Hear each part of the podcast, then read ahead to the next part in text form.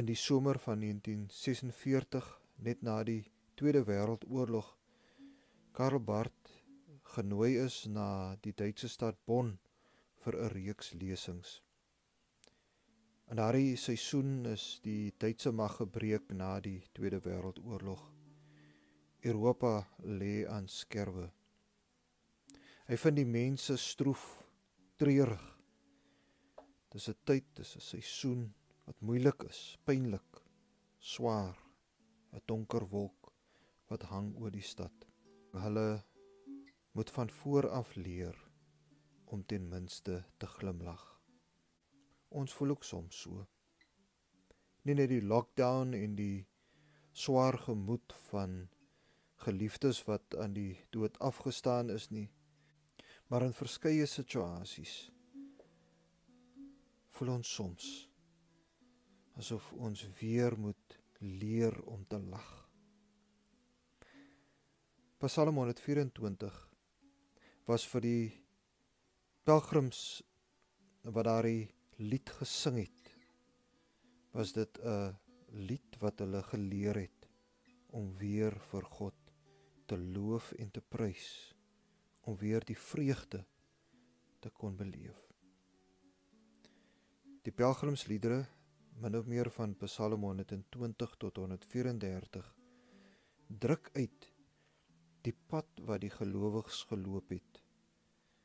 Dit druk uit hoe dat hulle verskeie uitdagings, verskeie knellende uitdagings beleef het. Ons sien dit veral in Psalm 124 dat die psalmdigter ontken nie die werklikhede wat ons bedreig nie. Daardie werklikhede wat baie keer ons vreugdes beroof nie. Ja, hy noem die opstand teen die digter. Hy noem die waters, die natuurlike rampe wat dreig om hulle te oorrompel, wat dreig om hulle te oorwin. Vrede tande wat hulle wil verskeer, wat hulle wil verslind. Maar hulle kan tog sing. Daar is meer as dit wat hulle bedreig, meer as wat hulle kan raak sien. Die Here is vir ons. Vers 1 As die Here nie vir ons was nie, waar sou ons vandag gewees het? Geliefdes, ons kan dit ook vandag sing. Die Here is vir ons. Die afgelope week na half bestudeer ek weer Andrew Murray se uh, leiding oor die Heilige Gees. Hoe God by ons teenwoordig is vandag deur sy Gees. Dit tref my dat die Gees baie keer verstaan word as trooster, voorspraak, veral Johannes 14, 15 en 16. Sommige vertaal dit selfs as advokaat.